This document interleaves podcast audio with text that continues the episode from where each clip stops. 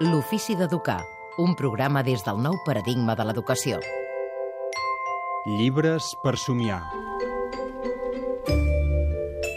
I avui els llibres per somiar una història dura, Sachiko, la història d'una supervivent de la bomba de Nagasaki, eh, de Karen Stelson, amb la traducció de la Dolors Udina, un llibre publicat per Pagès Editors.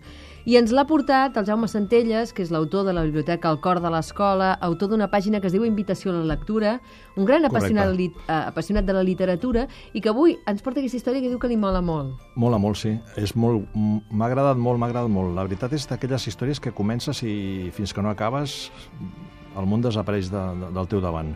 És una història real de la Sashiko, que és una senyora ja de tenir 70 anys potser, que, és, que fins que no va tenir 56 anys no va ser capaç d'explicar tota la seva vivència. Ella tenia 6 anys quan eh, un B-29 va deixar caure una bomba a la seva ciutat, a Nagasaki, que era la segona bomba. Ja la primera havia caigut a Hiroshima.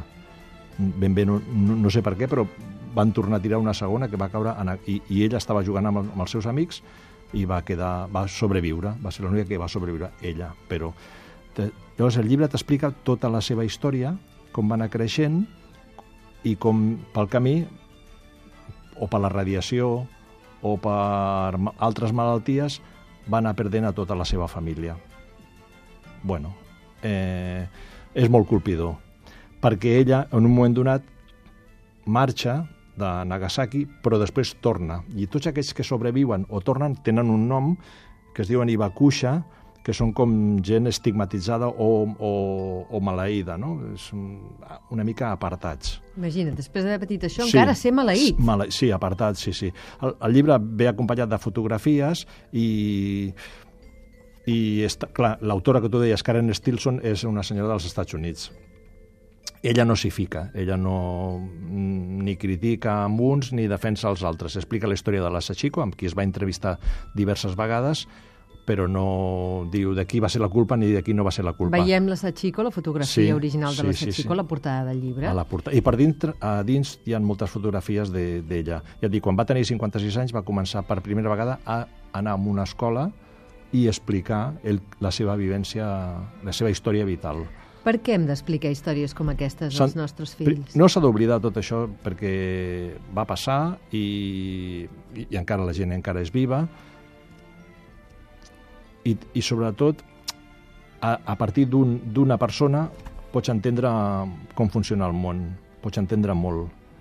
Eh, a part d'això, el llibre està molt ben escrit, són frases, clar, eh, sense descripcions, frases curtes, al gra, saps? Pim-pam, i va explicant fil per randa tota la seva Per quina edat? història. Per grans, a partir de 13 per la, per la ESO seria això, 13, 14, eh, perquè a partir d'aquí després pots mm, fer una recerca del que va passar. Mira, per exemple, aquí en aquesta plana 114 trobem a l'autora amb la senyora Sachiko, ara no fa gaire, el 2010, en una de les seves trobades. Doncs avui aquesta història colpidora, Sachiko, la història d'una supervivent de la bomba de Nagasaki, de Karen Stelson, un llibre publicat per Pagès Editors. Moltes gràcies, Jaume Gràcies. Centelles. Sayonara hem de dir avui. Sayonara.